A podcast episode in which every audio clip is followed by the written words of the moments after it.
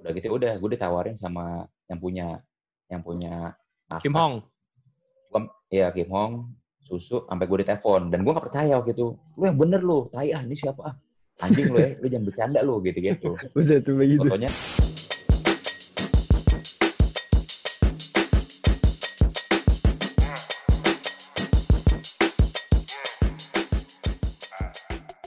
Oke, selamat pagi, selamat siang, selamat sore, dan selamat malam teman-teman Abastok di mana pun kalian berada. Hari ini baik lagi bersama gue Vincent Manahem dan teman gue. Dan kita, eh, dan kita lagi, dan gue Abo Christian. Gimana lu?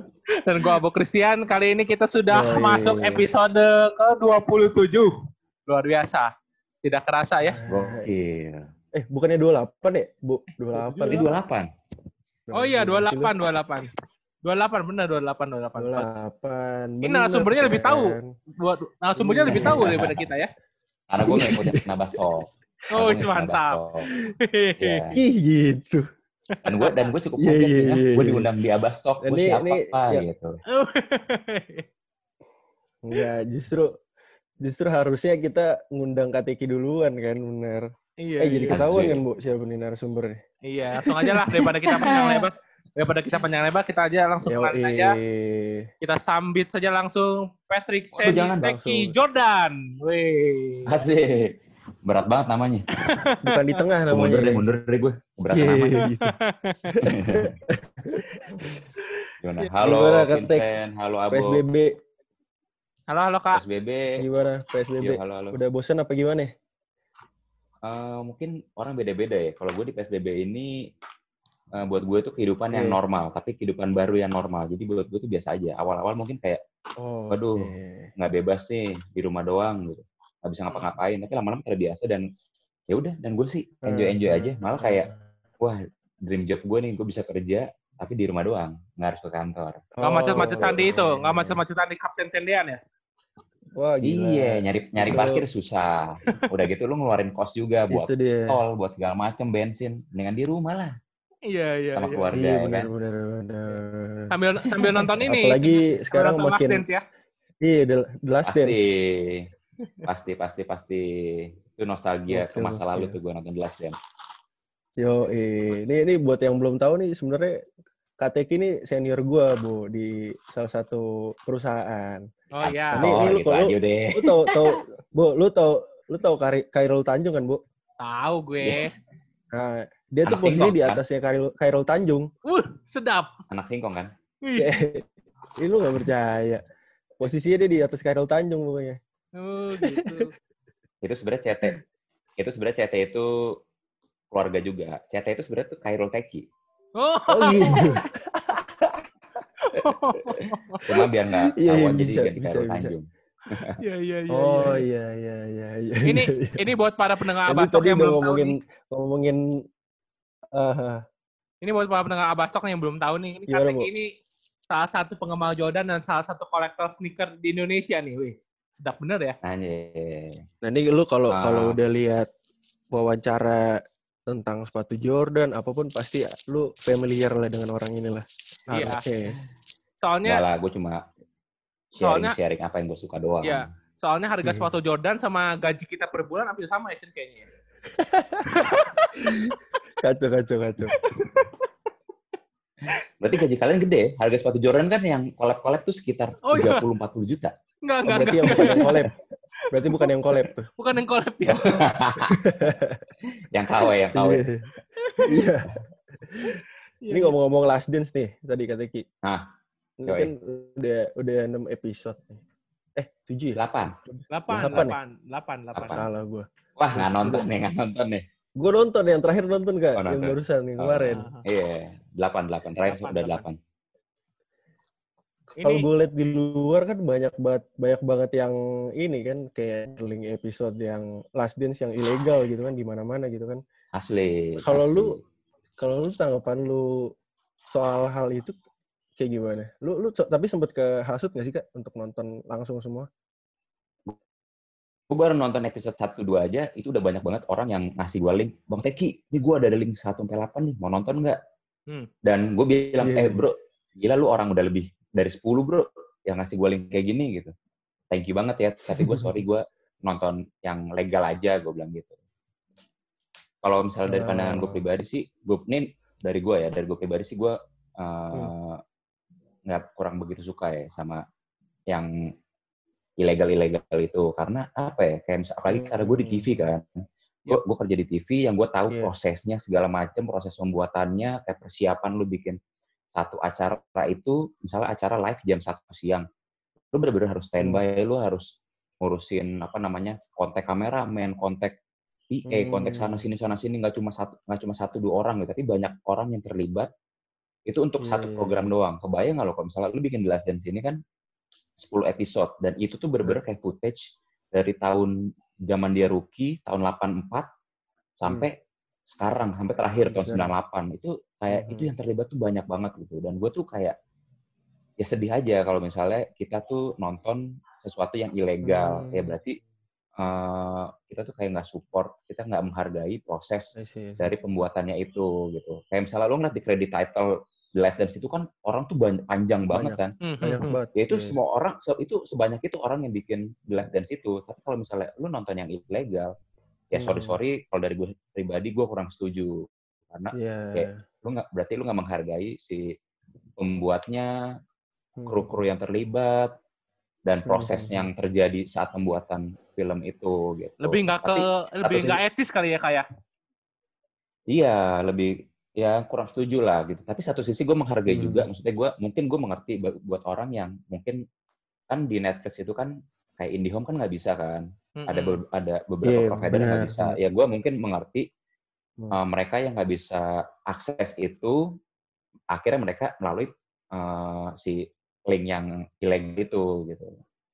Tapi hmm. ya sebenarnya bisa kita bisa berbagai macam cara sih kayak misalnya kayak lu nonton apa namanya Netflix itu kan bisa lu gabung lima orang gitu-gitu kan. Ya, yep, misalnya usaha, misalnya, eh lu mau lu yeah, pakai Netflix, yeah. Netflix nggak bisa. Bener, uh, eh kita bener. berlima yuk, kita patungan yuk uh, untuk apa namanya langganan Netflix gitu. Nanti hmm. ya udah hmm. lu tinggal download, lu bisa share di situ gitu.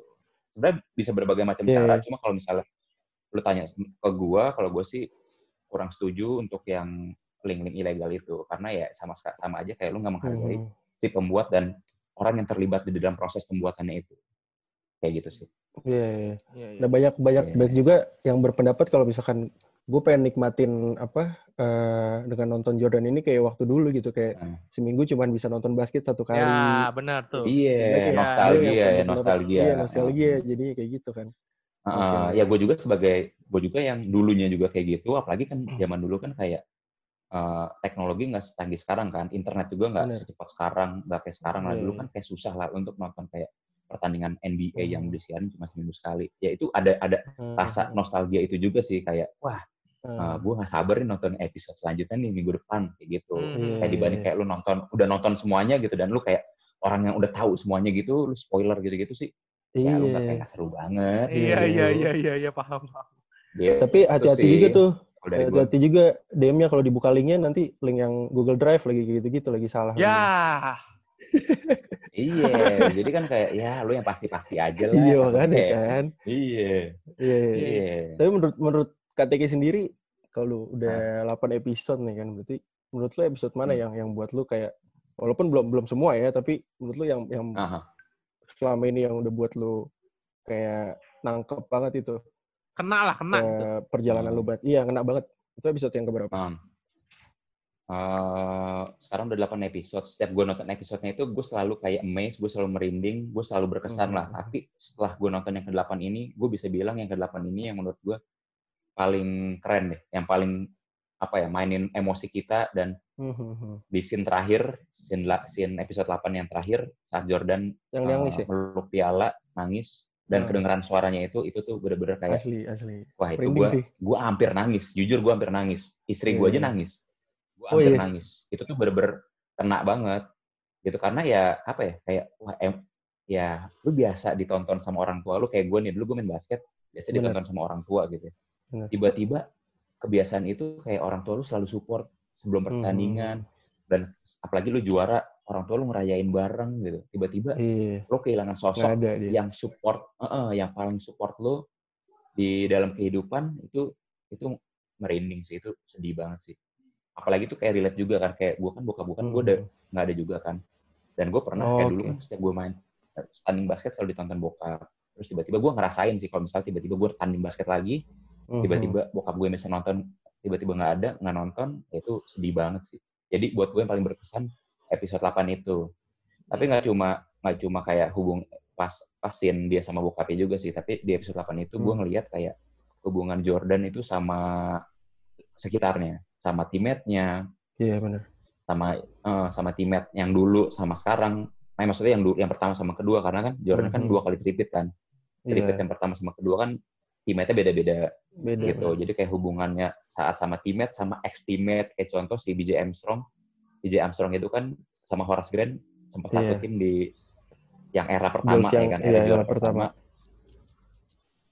Bulls yang pertama tiba-tiba hmm. harus melawan yang di era kedua.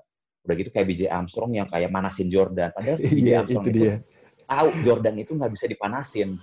Salah itu kayak dia. menurut gua gila nih gila gila. gila. salah, salah. Dan akhirnya dibuktikan kan si iya, akhirnya dibuktikan di game kedua di game keduanya baru first half Jordan udah 36 poin. Itu yang okay. si BJ Armstrong iya cetak selama satu satu game gitu. Jordan cuma perlu setengahnya doang. Makanya gitu iya, iya. Jadi kayak iya iya. Jadi kayak di episode 8 ini tuh kayak campur aduk lah gue. Itu gokil hmm. tuh the best episode menurut gue so far sampai sekarang.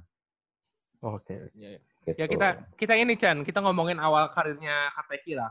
Sampai saat sampai Boleh. sekarang ngoleksi ngoleksi sepatu Jordan, terus idolanya juga Michael Kasih. Jordan gitu. Berarti sampai sekarang hmm. Kateki berterima kasih dong kepada teman-teman kepada teman Kateki yang dulu ngajakin nonton Jordan di awal di SD itu. Oh iya, pasti, pasti, pasti, pasti. Jadi kayak, ya gue cerita sedikit lah ya, gue flashback ke zaman dulu ya. Hmm. Jadi gue itu dulu pertama kali gue dikenalkan sama basket itu sebenarnya waktu SD gue. Gue kenal basket. Sebenarnya SD kan ya namanya kita suka main ya kan. Jadi berbagai macam olahraga kita mainin. Kayak dulu SD gue tuh hmm. ada bola, ada kasti, hmm. terus ada basket, terus ada apa lagi ya, ya SKJ olahraga macam-macam olahraga lah gitu. Uh -huh. Tapi gue enjoy enjoy sih sebenarnya semuanya tapi saat gue bermain basket itu gue enjoy banget. Lebih enjoy daripada olahraga yang lainnya. Udah gitu dan yang paling kenanya lagi saat gue ngeliat teman hmm. gue tuh pakai Air Jordan. Gue bilang itu sepatu apa hmm. keren banget. Jordan 8 playoff waktu itu yang ada warna-warni okay. gitu kan. Kayak hmm. yeah, yeah. keren banget warna-warni gitu gitu. Hmm. akhirnya dari situ dia kayak wah ini sepatu Air Jordan teh gitu. Nah apaan tuh? gitu wah lu harus tahu Michael Jordan gini-gini. Akhirnya gue dikasih, dikasih nonton bareng uh-huh. NBA waktu itu segala macam. Udah gitu nih sepatunya nih gue beli beli uh, dikasih saudara gue nih dari luar segala macam lah gitu. Air Jordan. Uh-huh. Tapi waktu itu masuk juga sih di Indo. Dan harganya waktu itu kurang lebih tiga ratus ribu yang buat gue tuh mahal lah. Zaman dulu mahal lah gitu. Hmm. Ya udah dari situ kayak ya, penasaran siapa sih Michael Jordan segala macam. Ya udah. Hmm. Nah dari situ akhirnya gue tahun depannya itu gue pertama kali gue dibeli sepatu Air Jordan sama orang tua gue. Itu, pas lagi mau tanding basket ya kayak? Ya? Pas mau tanding basket itu bisa... sebelum, sebelum. Oh sebelum. Uh, sebelum tanding basket jadi waktu itu zaman itu tuh kenapa gue lebih tertarik sama basket karena zaman itu lebih banyak kejuaraan basket yang diikutin sama sekolah gue dibanding olahraga lain. Jadi kayak sekolah okay. gue ikut kejuaraan basket, kejuaraan basket, hmm. gue cuma nonton. Wah gila kakak kelas gue jago-jago ya hmm. gitu. Yeah. Nah, dari situ ya udah kayak yang paling gue lebih mendalami basket sebenarnya waktu SMP. Mm-hmm. Jadi SMP itu gue mulai oh, gue wah di ya udah punya Air Jordan itu kan, gue basket pakai Air Jordan itu mm-hmm. segala macam, mulai ikut kejuaraan-kejuaraan basket, sempet juara juga ngerasain kayak wah mm-hmm. gila juara tuh kayak suatu kebanggaan gitu kayak wah lu mm-hmm. dipuji sama teman-teman lu, lu jadi kayak uh, jadi kayak kebanggaan sekolah lu, wah ini yang kemarin Eki yang bawa juara nih kayak gitu-gitu tuh kayak kebanggaan sendiri gitu. Iya iya. Nah dari situ ya udah. Asli, asli. Dari situ dari SMP uh, eh, gue mulai menekuni basket. Pas mau gue masuk mau SMA itu kan gue bingung kan gue masuk SMA mana ya gue bingung dan uh. guru olahraga gue tuh nyaranin. Eh, lu kalau misalnya mau olahraga kayak lu masuk SMA 3 deh. Itu hmm. basket sama bolanya bagus tuh karena waktu itu gue suka main bola juga gitu. Iya iya. Begitu ya udah. Nah itu saat itu gue nggak tahu SMA 3 di mana. Yeah. Ah, gue bilang gitu karena gue tau itu daerah-daerah selatan doang. Jadi tahunya SMA iya, 6, iya. SMA 70, SMA 82, udah oh, lagi 82 lah. Iya, iya. Udah gitu, tiga di mana Pak? Oh, tiga di Setiabudi. Wah, saya nggak tahu Pak. Akhirnya gue nanya ke bokap kan. Akhirnya bokap, uh. oh apa apa tahu kok ada rumah saudara di situ juga gitu akhirnya ya udah gue masukin uh nama gue di SMA 3 dan gue terpilih di SMA 3 akhirnya Hmm. Tapi nah, waktu itu udah udah udah beasiswa kak? Apa gimana? Apa nggak ada? Belum belum belum belum belum. Oh, belum, belum, belum, belum ada belum, belum ada kayaknya ya. Iya. Oh ada ada tapi maksud gue gue belum beasiswa karena oh. pada waktu itu okay. ya gue basket juga basket juga gue nggak nggak bisa bisa banget lah gue masih suka banget suka aja gitu. Hmm. Udah gitu sampai akhirnya gue waktu itu masukin tiga sekolah tiga eh, enam sama 82. Hmm. Karena zaman 682 itu kenapa gue pilih karena itu SMA SMA gaul lah pada masanya. Iya. Yeah. Hmm. Jadi itu banyak cewek-cewek cantik lah di situ. Iya. Yeah, akhirnya udah. Iya, akhirnya udah gue masukin ke tiga sekolah itu dan gue terpilihnya di SMA 3. Padahal tiga itu gue taruh paling bawah. Yang pertama itu gue masukin di pilihan SMA gue pertama 6, 82, SMA 3. Okay. Dan akhirnya yang terima gue itu di SMA 3. Hmm. Nah, di situ kayak jadi jenjang karir gue di basket lah awal jenjang karir gue di basket. Gitu. Hmm. Eh, berarti yang yang pas di SMA 3 itu lu berarti langsung dilatih sama siapa tuh, Kak? Pas di SMA 3? Gua zaman SMA 3 itu dulu oh, oh sama Bang Jeki. Dulu ada pelatih gue namanya Bang Jeki. Mm-hmm. Gitu. Itu nah, tahun berapa, Kak ya? 2000 berapa, Kak? Ah, ini udah lama banget, kayak. Udah tua gue. Ketahuan umur dong gue. Iya. Gua itu... Gue itu lulusan 2005. Oh, berarti 2002, 2003 ya? Oh, nah, oh oke. Okay. Jadi 2004, berarti yeah, 2002 yeah, yeah. Ya 2002. 2002, 2002. 2002, iya. Yeah.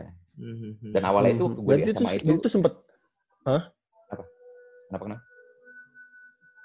Eh, gimana kan? Lanjut aja, Kak. Enggak, enggak. Tadi apa? Lu tanya, tanya, tanya. tanya. Apa yang yang berarti emang sempet seangkatan sama apa uh, karya Lubis apa gimana? Oh enggak, enggak. Jadi sama Riko itu, nah ini tuh yang bikin gue tertarik banget, makin tertarik sama basket karena SMA huh? itu ternyata SMA yang jago banget main basketnya, yang yeah. terkenal banget sama hmm. sekolah basket. Mm-hmm. Jadi yeah, tuh yeah. dulu gue waktu gue pertama kali masuk SMA, uh, eh, apa sih dulu yang masuk yang siswa-siswa baru semuanya apa namanya? Ospek ya? Ospek, ospek. ospek. Waktu di ospek yeah. gitu, ya pas mm. di ospek itu, gue sama sekali kayak orang nggak ada yang tahu gue dan kayak ya udah uh, dulu waktu ospek itu tuh kayak gue nggak tahu juga mereka tuh sekolah basket lah sampai akhirnya hmm. tuh ada kayak apa sih namanya yang kayak ekskul ekskulnya kan kayak pertunjukan eksibisi gitu nggak tahu yeah. ya nggak tahu ekskul ekskulnya saat basket itu itu gue awalnya gue nggak tahu mereka siapa cuma pas gue lihat hmm. anjing basketnya jago-jago banget SMA udah pada ngedang-ngedang kayak yeah, gitu, -gitu. Yeah. dan, dan alumni alumni itu banyak banget yang pada datang yang hmm. akhirnya gue tahu oh alumni itu ternyata ada Andi Batam, Riko Hantono, Andre uh. Tiara, Buset. Bung Acel, Albut, terus, Albut. Albut nggak nggak datang nggak nggak datang. Terus siapa oh, lagi? Uh, Popo, oh, Oke. Okay. Terus Riko Lubis, uh, Pascal segala macam lah. Dan mereka tuh pertunjukan tuh kayak pada ngedang-ngedang gitu dan gue bilang wah gila jago banget, gila keren banget gue bilang gitu. Oh Andre Tiara tuh mantan anak tiga juga ya? Anak tiga juga ya? Anak tiga. Iya, anak, anak tiga. tiga. Oh, iya, iya, iya, iya. Dan ternyata, ternyata dulu itu waktu S zaman SMP, gue pernah diajakin sama guru olahraga gue nonton basket. Yang gue tonton hmm. tuh SMA 3. Oh. Yang itu tuh bikin gue amazed banget. Saat dulu tuh gue nonton tuh gue bilang, gila pak, itu jago-jago banget. Gila, itu anak SMA pak. Ada bisa ngedang-ngedang gitu. Jadi ternyata waktu yang gue lihat itu, bola tuh dialih sama Acel ke Andre Tiara. Itu ngedang Andre Tiara. Wah iya emang lagi bagus-bagusnya tuh dia tuh. Gitu. Dan parah itu tuh menurut gue ya, ya yang gue tahu ya pada masa itu uh, sebenarnya waktu yang gue tahu itu angkatannya Indra Budianto sama Erik Sebayang yang waktu gue kelas satu mereka kelas tiga hmm. oke okay. gitu tapi gara-gara gue sekolah di SMA 3 gue makin mendalami gue pengen tahu gitu sejarah dari sekolah gue gue pengen tahu siapa aja sih yang uh, lulusan sekolah gue gitu siapa sih yang jago bekas sekolah gue hmm. gue pengen tahu hmm. akhirnya gue mulai tahu Andi Batam Riko Hantono yeah, yeah, uh, Mbot Andre Tiara Bung Acel gitu-gitu. Iya, Dan akhirnya okay. gue nonton tuh, nonton pertandingan-pertandingan senior-senior gue di waktu itu di level mereka saat itu di IB ada yang IBL hmm. ada yang Pratama segala macam. Iya iya. Hmm, Oke okay, gitu. Kateki, berarti kan Kateki di udah masuk SMA SMA basket lah bilang gitu ya kita ah, ah. SMA basket gitu. Berarti nah. Kateki sendiri udah kepikiran nggak pas lagi SMA tuh gue pengen sini ke profesional kan kuliahnya masuk perbanas sampai situ ya? Iya iya iya iya. Iya jadi waktu di SMA itu itu jadi awal karir gue sih. Jadi di SMA itu gue latihan ya gue latihan latihan lumayan keras lah waktu itu. Karena saat itu tuh gue uh, skill gue itu kelebihan gue tuh cuma di loncat waktu itu. Hmm, dan gue masuk tim basket itu gue inget banget gue lumayan sakit hati karena udah Teki masukin aja lah lumayan buat bantu-bantu rebound gitu. Hmm. gitu. Oh. dari situ kayak gue mulai upgrade upgrade skill gue gue latihan dribble latihan nembak segala macam sampai akhirnya gue pilih tim dan gue bisa poin gitu nggak cuma rebound doang gue bisa ngebuktiin ke senior senior gue yeah, gue bisa yeah. gue bisa yang lain lah nggak cuma rebound doang gitu nah udah gitu ya udah gue mulai dapet uh, keringanan keringanan beasiswa beasiswa walaupun nggak seratus nggak seratus persen ya tapi gue dapet keringanan keringanan mhm. gara-gara basket udah gitu gue uh, ditawarin juga di Perbanas yang itu notabene itu kampus basket juga, kampus iya, atlet. Iya benar. Iya. Dan eh pasti kayak udah template lah. Dia pada masa itu tuh lu habis SMA 3 udah pasti kuliah di Perbanas, habis hmm. kuliah di Perbanas udah pasti lu jadi atlet profesional gitu. Hmm, iya, hmm, hmm, benar.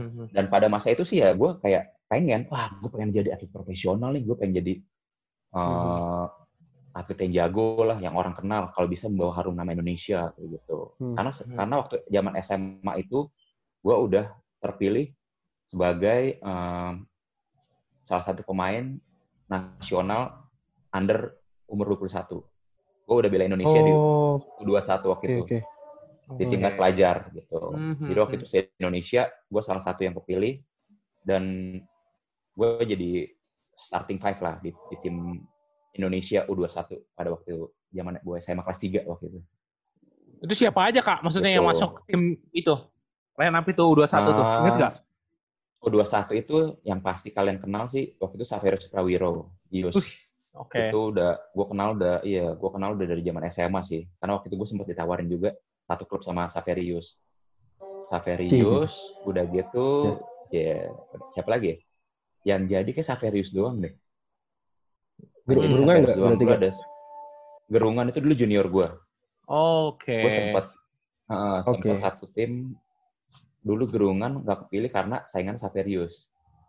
Hmm, hmm, gitu. Udah gitu dulu gue gue oh. gerungan satu tim di Kejurnas waktu itu. Kejurnas U18 cuma dia nggak kepilih karena dia sakit waktu itu akhirnya dia ikut seleksi lagi di timnas U21 tapi nggak kepilih karena waktu itu saingannya lumayan berat. Dulu ada juga playmaker yang lebih tinggi dari si gerungan namanya Bobby Junaidi. Itu dulu jago banget juga.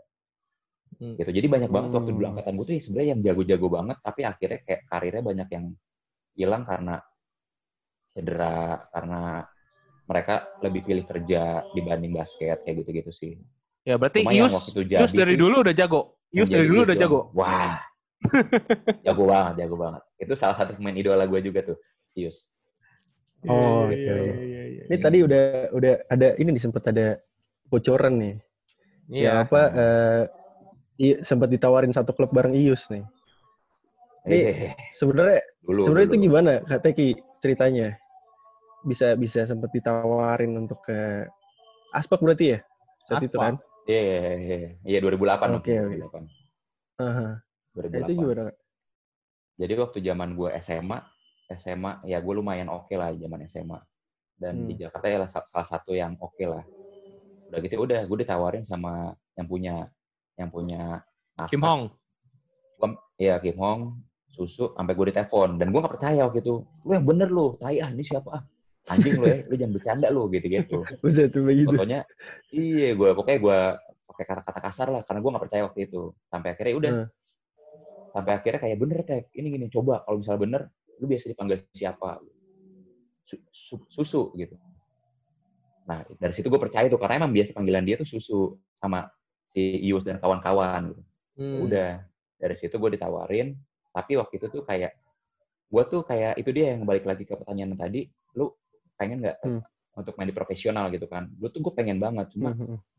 hati gue tuh masih setengah-setengah lah hmm gitu karena hmm. pada masa itu tuh gue tuh lagi enjoy main basket gue lagi enjoy main basket basket itu tuh sebagai kayak lampiasan gue lah di saat dulu gue sekolah segala macam banyak tugas segala macam gue pusing segala macam gue main basket gue merilis stres lah pada masa itu hmm. jadi kayak gue tuh masih setengah-setengah aduh uh, ambil nggak ambil nggak ambil nggak itu waktu ditawarin gue masih ingat banget itu waktu tahun 2004 ditawarin ditawarin 2004 okay. gue bilang kasih gue waktu lah gue waktu gue waktu sampai akhirnya 2008 gue memutuskan oke okay, gue ambil gitu Oh Akhirnya lama ya kayak? 2008. Dari SMA, hmm. dari iya, SMA iya, ke kuliah baru ambil tuh empat tahunan. Iya, karena gue masa pengen gue main-mainnya tuh lama waktu itu. Oh, gitu.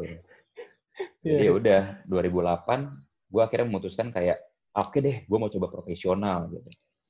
Tapi saat gue mencoba, gue udah ikut hmm. latihan bareng mereka, bahkan gue udah masuk ke mes dan gue udah dikenalkan sama tim hmm. anggota tim udah di kayak eh kita kedatangan pemain baru hmm. nih namanya Teki gue memperkenalkan diri segala macem pada masa itu tuh masih ada Mario Wusang hmm. terus ada Batam segala macem ada Ius juga dan gue seneng banget gitu hmm. karena gue satu satu gue bilang sama Ius Ius gue sekira satu kamar ya oke oke gitu udah mau hmm. tapi pada masa itu tuh kayak gue menyadari kalau misalnya tuh wah kayaknya tuh hati gue tuh nggak nggak di basket banget deh kayak kayak jalan hidupku tuh bukan sebagai atlet profesional gitu karena hmm. untuk menjadi seorang atlet tuh menurut gue tuh nggak mudah lu tuh butuh kerja keras hmm. lu butuh komitmen lu harus hmm. fokus di situ dan pada saat hmm. itu tuh gue nggak sekomit itu dan gue nggak sefokus itu ternyata hmm. akhirnya gue banyak melakukan hmm. kesalahan gue nggak hmm. disiplin segala macem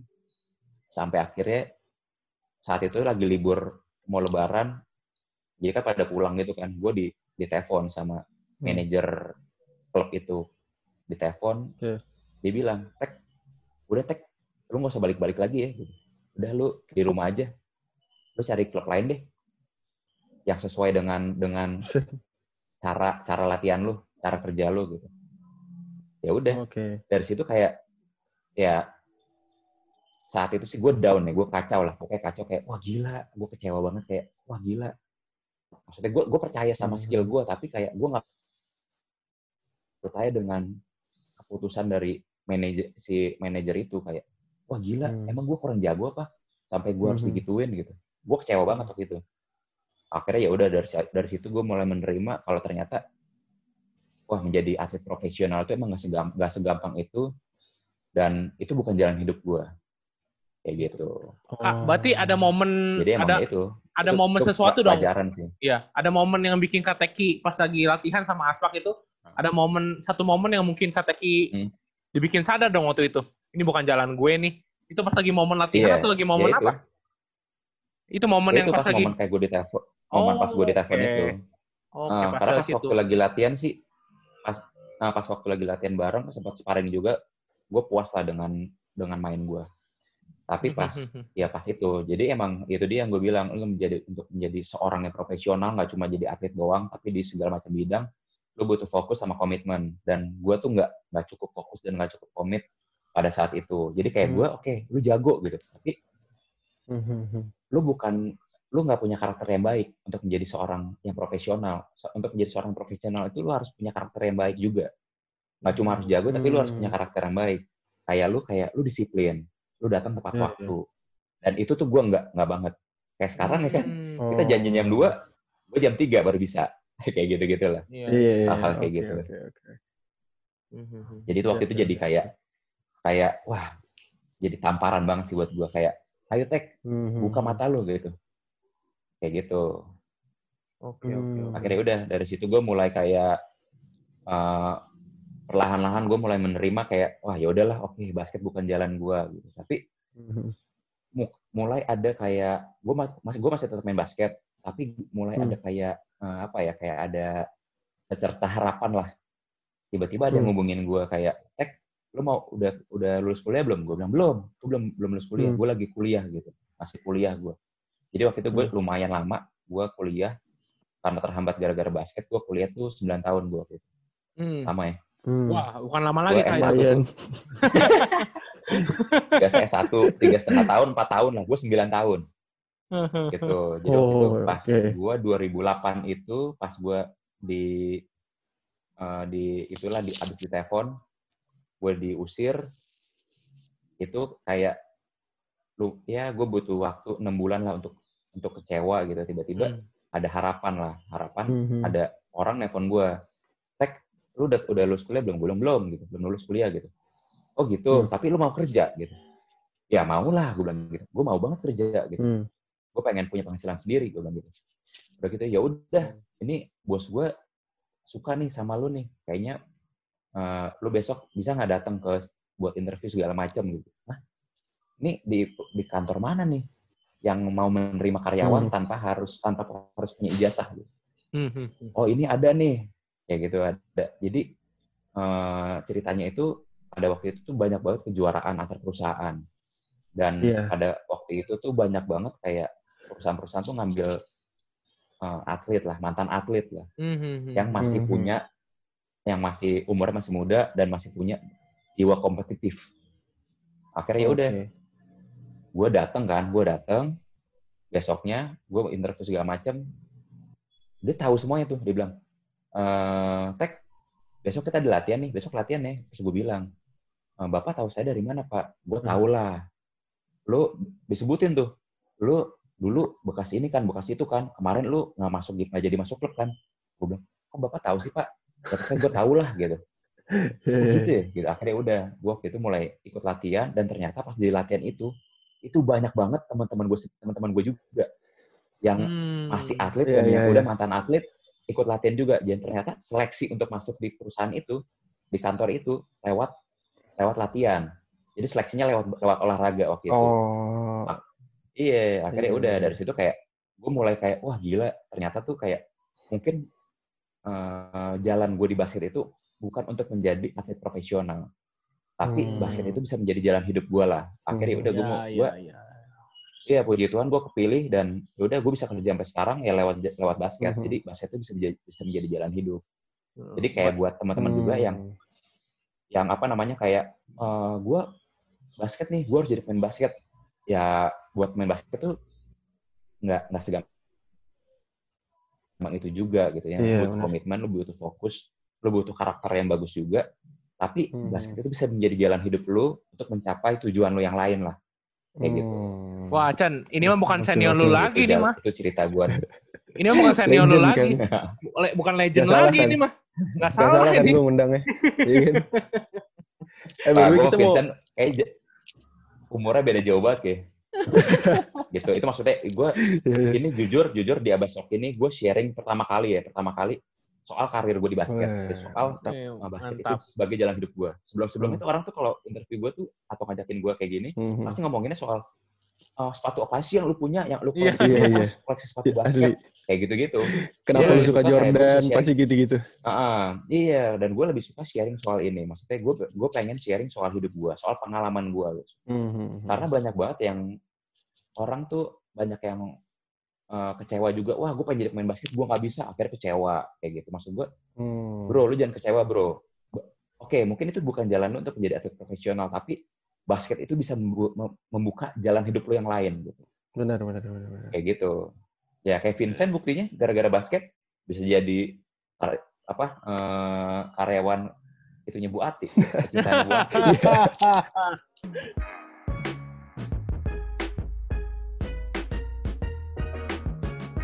Oke, tadi kita udah ngomongin inilah karirnya Kateki uh, saat masuk ini ya, masuk ke kantor yang sekarang Kateki ya. Gitu. Nah, Nah, itu kan berarti KTK juga sambil ngoleksi sepatu ya waktu itu kan? Baru baru baru mulai hmm. ngoleksi sepatu ya? Kan kita tahu sendiri lah kayak. mulai. Uh-huh. Ya, kita kita kita tahu sendiri lah gaji gaji orang apa karyawan swasta berapa sih ya gitu ya. Sekarang hmm. dari hmm, waktu hmm. kakak awal mulai gitu. Sempet struggle hmm. gak kak dulu pas lagi mulai masuk kantor terus ngoleksi kan gak, gak murah uh. juga kan ngoleksi sepatu kan. Uh, uh, uh. Itu sempet struggle gak ke awal-awal tuh? koleksi itu? Mulai kapan dulu deh? Koleksi Mulai sepatu. Hmm. Uh, kalau koleksi sepatu sendiri sih, uh, gua ya pas mulai kerja, gue mulai kayak balas dendam tuh. Karena dulu kan zaman dulu kan gue nggak bisa beli sepatu kan, nggak bisa beli. Paling gue harus minta gitu kan. Saat gue nah, koleksi, pas gue saat gue udah kerja, gue udah berpenghasilan, gue udah mulai bisa koleksi sepatu. Nah, hmm. waktu itu hmm. gue masih kayak anak mama banget sih karena gue masih tinggal di rumah orang tua kan. Jadi kayak gue masih yeah. ya lu listrik nggak perlu bayar, lu hmm. makan mah udah dapet udah dibuatin sama nyokap lah. Gitu. Jadi kayak hmm. bener-bener kayak uang gaji lu tuh 80% masih aman lah. Itu gue bisa buat beli sepatu minimal sebulan gue bisa beli satu lah. Us. Gitu. Okay. Serem. Iya, yeah, udah gitu waktu zaman dulu juga gue udah masih ikut suka ikut 3 on 3 zaman dulu 3 on 3 ya sekarang kan 3 x 3 kan mm-hmm. gue masih suka ikut 3 yeah, on 3 segala macam jadi ada tambahan-tambahan buat beli sepatu-sepatu terus dan zaman itu gue masih single lah mm. oke okay. dalam artian nggak nggak belum serius pacaran gitu mm-hmm. gitu jadi ya udah uang yang gue okay. dapetin buat beli sepatu gitu kalau misalnya mm. dari situ gue mulai kayak bikin ini kan apa 20, 23 kan 23, gue kayak yeah. jual beli sepatu juga kan. Bisnis kecil-kecilan lah. Mm-hmm. Gitu. Kalau ngomongin soal struggling, sampai sekarang pun gue masih struggling. Oke. Okay. Gitu. Jadi iya, struggling itu udah Martin tuh kayak ya gue tuh bukan orang yang multitasking sebenarnya. Jadi kayak hmm. gue masih kerja di kantor, gue terus udah gitu gue ngejalanin 23 juga. Sebenarnya tuh banyak banget di otak gue hmm. tuh yang kayak, wah gue 23 gue mau buat, mau gue giniin gitu. Tapi hmm. gue harus ke kantor, di kantor juga kan banyak banget ada banyak banget kerjaan dan gue yeah. harus fokus juga kan. Jadi kayak gue gue bukan orang multitasking soalnya. Hmm. Jadi gue nggak bisa fokus di dua-duanya. Jadi hmm. otomatis karena main, main job gue di kantor, ya gue akan lebih fokus ke kantor. Jadi kayak 23 itu tuh kayak lebih ke hobi aja sih, ke sampingan. Hmm. Jadi kayak hmm. misalnya, ya gue jual-jual sepatu, laku hmm. syukur nggak laku ya udah gitu. Iya. Oke oke. Ya, tapi puji tuh. Cuma karena uh, kalau misalnya gue disuruh memilih salah satu gitu ya, misal satu, lu mau uh. kerja di kantor atau bisnis, gue akan pilih uh. bisnis. Tapi gue tunggu sampai uh. 23 ini atau bisnis gue ini establish sampai gue bisa kayak ah gue yakin nih ini udah establish ya udah gue akan meninggalkan kantor gue untuk hmm. bisnis. Tapi kalau misalnya untuk sekarang menjalani dua-duanya gue nggak bisa, makanya gue bilang sampai sekarang pun gue masih struggling gitu. Oke okay, oke. Okay. Tapi puji Tuhan ya kayak ya, sekarang kayaknya ini 23 udah lumayan gede nih ya sekarang ya. Ya puji Tuhan sih. Lah. Ya karena gue, iya gue sebenarnya gue nggak nggak expect se sampai sekarang ya. Maksudnya gue punya followers gitu karena hmm. ya gue emang gue pertama ngejalan itu awalnya itu sebelum gue jual beli sepatu, gue tuh suka foto. Gue suka foto, gue suka sharing hmm. soal Jordan. Hmm. Jadi gue suka foto sepatu gue, gue taruh gue post di 23 sekalian gue ngasih tahu hmm. history dari sepatu itu atau cerita-cerita di balik sepatu itu atau misal gue pasang foto Jordan, gue kasih tahu siapa itu Michael Jordan, apa sih kelebihan Michael Jordan kayak gitu. Ya sampai akhirnya sekarang hmm. tuh udah hmm. kayak ya kalau gue untuk bersaing jualan sepatu ya, gue jujur sih hmm. itu susah banget di masa sekarang karena Benar. ya balik lagi kayak sekarang tuh kayak lu untuk mengetahui untuk mendapatkan info tentang Michael Jordan itu gampang banget bisa lewat Google. Udah gitu, yeah. lu untuk jualan sepatu ya lu punya duit ya lu bisa beli sepatu yang banyak untuk lu jualan di situ. Mm-hmm. Nah, makanya kenapa gue bilang masih struggling karena gue punya banyak keterbatasan lah. Gue nggak gue nggak punya duit yang banyak untuk jualan bisnis dan gue nggak punya waktu mm-hmm. yang banyak juga untuk kayak fokus di bisnis gue. Jadi kayak gue masih struggling mm-hmm. di dua-duanya. Tapi sampai nanti gue bisa saat 23 training establish, gue akan memilih untuk ngegedein si 23 ini. Oke. Okay. Gitu. Iya, iya. iya. Oke, oke, oke. Gitu. Tapi tapi di Trans TV Lagi. udah udah legend mah inilah gajinya juga gede lah.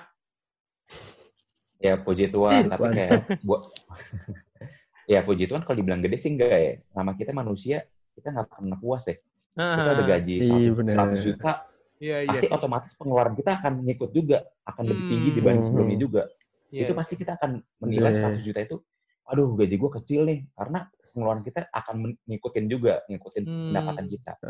Gitu. Jadi uh, buat gue tuh kayak gaji gede tuh uh, gaji itu bukan sebagai apa ya uh, patokan gitu. Hmm. Tapi kayak hmm. misalnya di 20 itu gue lebih ke passion ya, kayak bisa passion gue. Gue akan lebih puas kalau hmm. misalnya hmm. banyak orang yang tuh jadi kayak tertarik sama Jordan. Banyak orang tuh kayak, wah Bang hmm. Peki, ternyata Jordan tuh gokil ya.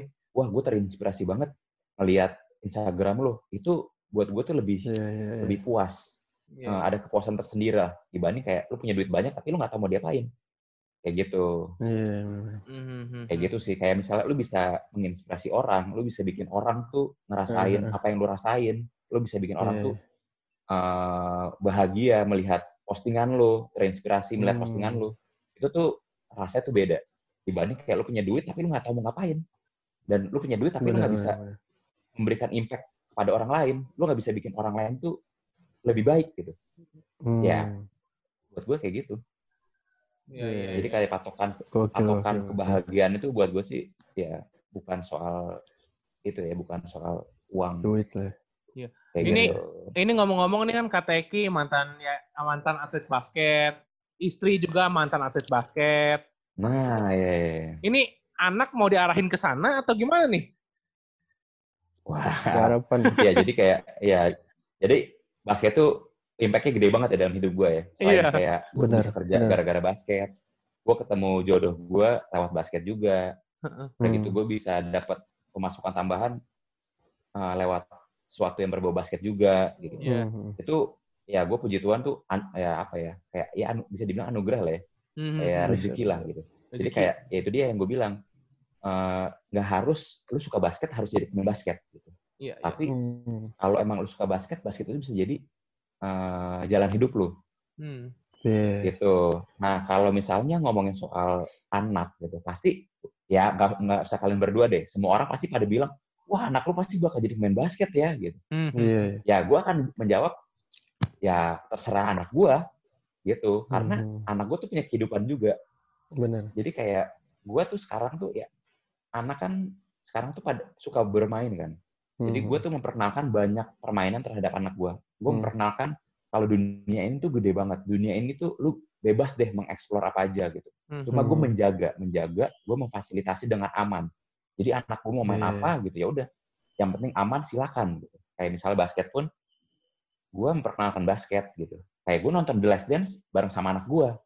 Kayak hmm. gitu. Anak gue tuh sekarang tuh udah mulai banyak nanya kan. Anak gue nanya, jadi mm-hmm. itu hmm, hmm. siapa sih gitu? Ya gue jawab itu Michael Jordan gitu. Mm-hmm. Tapi gue nggak kayak kayak kamu nanti udah gede harus kayak dia ya? Enggak, gue nggak kayak gitu. Bahkan kayak misalnya main basket pun gue kayak kayak si anakku tuh megang bola basket. Mm. Gue tuh nggak, ayo coba Dario belajar dribble, belajar nembak, belajar passing. Mm-hmm. Gue nggak kayak gitu. Dia, dia mau dribble pun ya udah, gue gue nemenin dia aja memfasilitasi gitu. Mm-hmm. Dia lempar-lemparan ya udah, gue temenin gue lempar-lemparan gitu hmm. gitu pun kayak misalnya dia main bola dia ada bola tendang juga dia main bola hmm. ya udah gue ngikut gue temenin dia gue memfasilitasi supaya dia bisa bermain gitu nggak harus kayak lu oh. harus Rio kamu harus jadi kayak Michael Jordan kamu harus jadi kayak Cristiano Ronaldo enggak pokoknya gue itu ya sebagai hmm. orang tua gue itu hanya fasilitator lah anak gue mau jadi apa silakan gue hanya memfasilitasi ya udah lu mau jadi apa gue akan support kayak gitu kayak dulu kan gue kayak gue nonton The Last Dance itu si bapaknya Jordan itu kan pengen banget awalnya itu kan Michael Jordan uh, jadi atlet baseball kan. baseball. Mm-hmm. Yeah. Uh, uh, pemain baseball. Tapi akhirnya Michael Jordan ke basket ya sebagai orang tua ya lu support dan akhirnya ternyata mm. jalan hidupnya Michael Jordan yaitu menjadi pemain basket, basket. gitu. Bahkan di basket pun dia jadi the greatest player of all time. Iya, yeah, iya. Yeah. Dan yeah. ya itu orang tua support support di saat lu lagi down, orang tua support, ayo lu bisa Michael Jordan, lu latihan aja, lu bisa, gue yakin lu bisa gitu akhirnya Michael Jordan ter termotivasi dia latihan akhirnya dia bisa ngalahin teman-temannya dan dia nah, orang tuanya itu bisa membentuk jiwa kompetitif Michael Jordan yang itu menjadi modal Michael Jordan untuk menjadi salah satu pemain terbaik sepanjang masa di bola sepanjang masa. Iya okay. kayak gitu. Jadi kayak gue si Dario pun ya itu gue mendidik Dario itu lu mau jadi siapa aja lu bebas. Yang penting lu yeah. menjadi uh, orang yang punya karakter yang baik. Karena buat gue itu kayak hmm. lu menjadi pemain basket yang baik tapi lu punya karakter yang jelek ya lu nggak bisa juga lu yeah. susah juga menjadi contoh pemain basket yang baik gitu untuk yeah, menjadi yeah. pemain basket yang baik mm -hmm. untuk menjadi siapa pun yang baik lu harus punya karakter yang baik nah gue menanamkan ke Dario itu ya udah lu mau jadi siapa aja lu bebas gue akan memfasilitasi tapi gue akan mendampingi lu untuk menjadi anak gue Dario yang punya karakter yang baik untuk menjadi manusia yang baik. Karena gue yakin kalau misalnya lu menjadi manusia yang baik, ya lu akan menjadi lu menjadi pemain basket, lu menjadi main bola, menjadi siapa, lu akan menjadi karena lu manusia yang baik, lu akan menjadi contoh yang baik juga buat orang lain. Kayak gitu. Oh, gokil, Bo. Mantap ini. Iya, gua ini mantap nih. Dapat jangan dari seorang bapak juga nih makanya.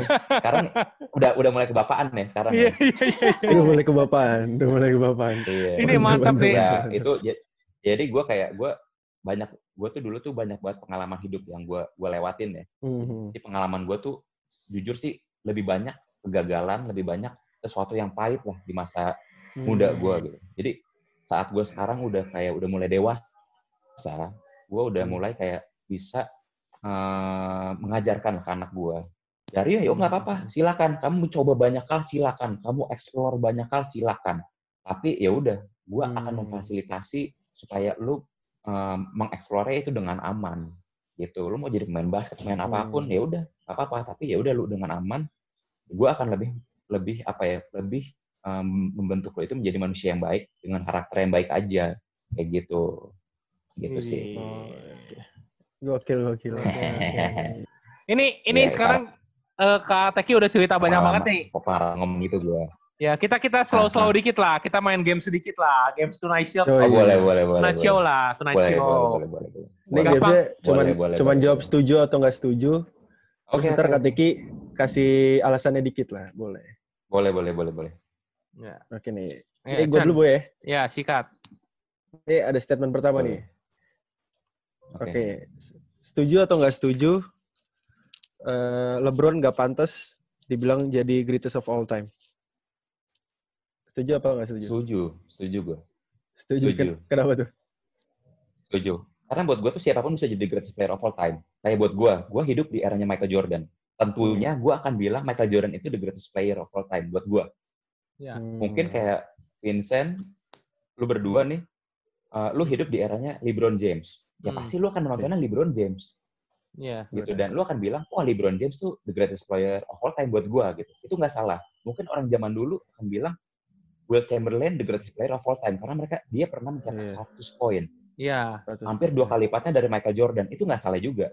Iya. Yeah. Gitu. Cuma hmm. buat gua, the greatest player of all time versi gua itu adalah orang yang bisa ngasih impact positif dalam hidup lu. Dan buat gua, Michael Jordan yang bisa ngasih impact dalam hidup gua. Makanya gue bilang Michael Jordan itu the greatest player of all time. Oh. Jadi gue nggak oh, salah, okay. gue nggak salah orang bilang Kobe itu the greatest player, the GOAT. LeBron the GOAT. Ya gue nggak salah, nggak salah. Cuma saat orang membandingkan nih, wah Kobe the GOAT lah. Ini the GOAT. Ya, hmm. Ya gue bilang, sorry. Kalau misalnya lu ngomongin, lu nggak compare mereka, sorry. Mereka beda level. Saat lu bilang mereka the GOAT, buat gue Jordan udah menjadi the God. Dia udah jadi hmm. Tuhan buat gue. Dia udah menjadi dewa.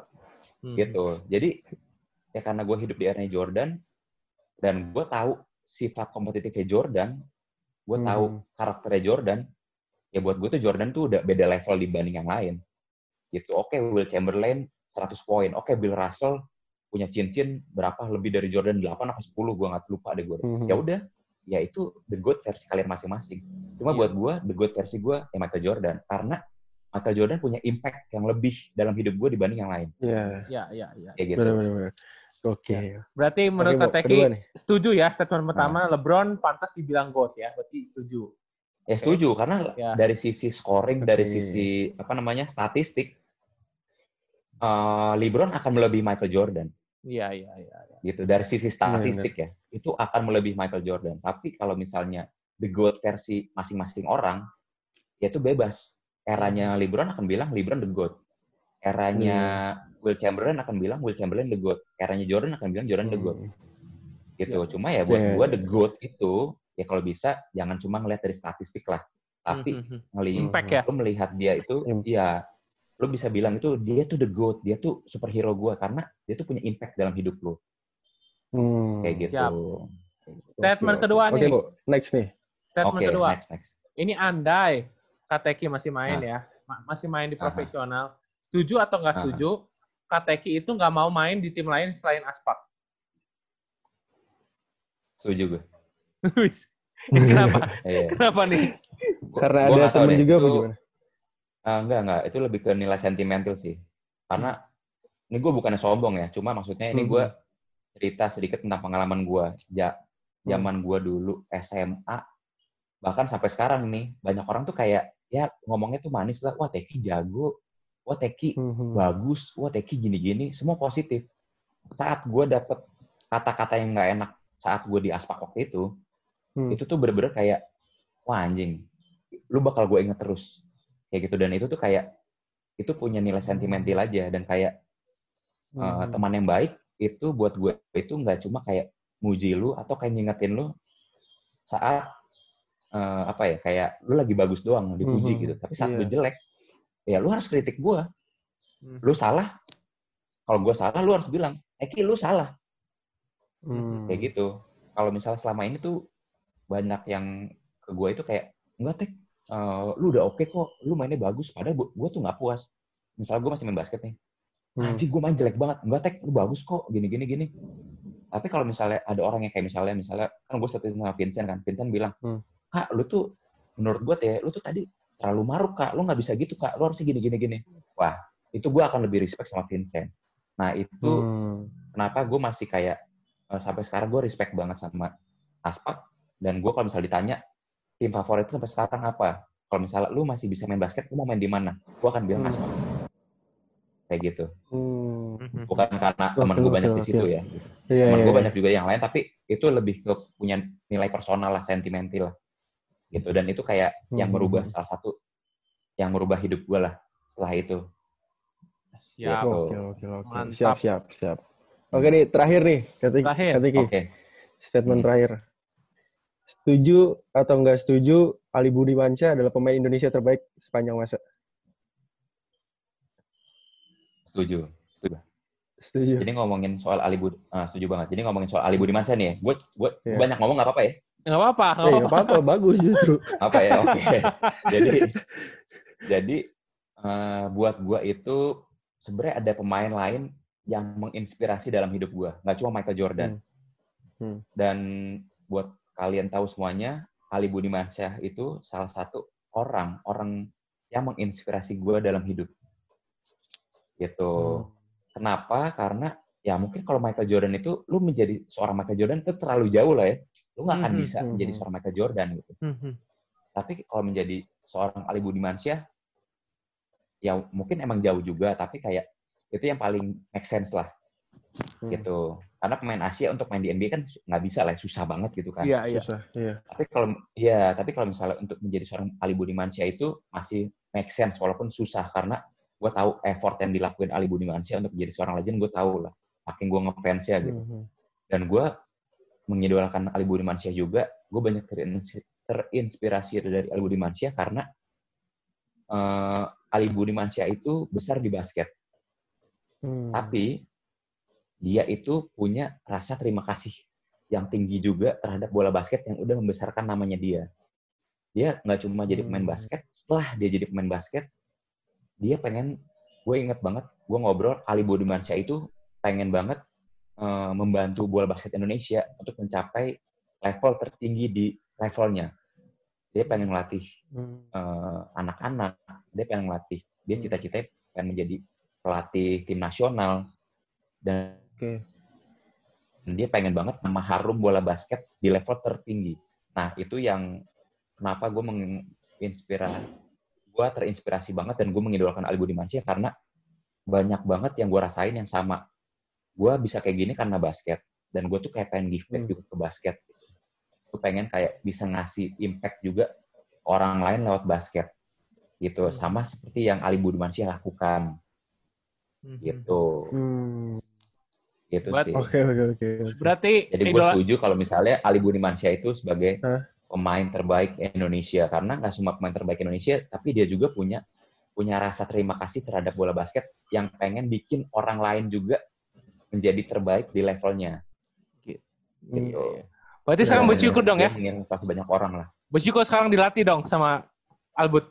Yo eh. Yo iya. Bersyukur banget makanya gue pernah dilatih sama Ali Budi itu waktu zaman uh, ini. Jadi waktu gue timnas U21, gue dilatih sama kakaknya Mas Bambang. Oke. Okay. Oh, waktu gue iya, iya. Uh, waktu gue sempat ada kejuaraan alumni SMA, pelatih gue Ali Budi Mansyah juga dan gue enjoy banget dilatih sama dia cara ngelatih itu simple kayak tek gue percaya sama kemampuan lu. Gue tahu kemampuan lu. Udah lu main basket aja lu enjoy lu keluarin semua kemampuan lu. Udah kayak gitu aja. Jadi kayak bener-bener gue main basket itu enjoy. Gitu. Dan kalau salah gue dikasih tau tek lu jangan kayak gitu. Lu tuh main basket kok ribet banget sih? Main yang simple lah. Main basket tuh simple kok. Nggak usah ribet-ribet. Main basket kan intinya bikin poin. Lu ngapain ribet-ribet gini gitu gini gitu udah main basket sesimpel aja, simple aja. Ya, ya, gitu dan ya. yang, yang penting lu enjoy aja gitu. Kayak gitu. Ya udah, simple gitu aja sih. Hmm. Jadi kayak gue oh. mengidolakan banget dan gue bersyukur banget kayak kemarin tuh gue dilatih lagi sama Budi. Walaupun kita cuma satu game ya nih. Habis satu Ih, game itu banget. udah virus corona virus corona datang udah sampai sekarang nih. Ada pertandingan lagi. Satu, satu game satu game poinnya lebih baik dari ini Bu, dari musuhnya. Bu. KTK doang. Iya. Enggak. Soalnya kemarin gue denger. Saya terlalu baik, Sen. Dari dari Augie gue denger soalnya kemarin pas kita lagi podcast sama Augie Fantinus kan. Iya KTK. Uh. KTK kayaknya kemarin di Bandung poin banyak bener ngomong kasih Vincent gitu kan. Wih. Iya. Oh gitu. iya iya iya. Iya. Dia sempat ngomong. Augie, Augie sering juga tuh latihan bareng sama Transviki tuh, latihan bareng sama gua gitu dan oh, dia tuh okay. salah satu role model juga lah dia idola juga lah dia banyak menginspirasi banyak orang juga iya iya, gitu. iya. oke kak Teki thank you iya, banyak ya kak waktunya kak ya sama-sama gue juga thank you banget nih iya udah menemani gue di WFH ini biar gue bisa bisa sharing sharing soalnya nggak iya, banyak juga nih bisa bisa sharing kayak gini thank you banget juga udah ngajakin gue ngobrol udah ngajakin gue sharing siap. bisa siap. bisa berbagi siap, siap, siap. dan semoga juga uh, bisa menginspirasi orang lain juga. Siap. Dan thank you buat Abas Abas juga semoga bisa menginspirasi banyak orang juga ya. Siap.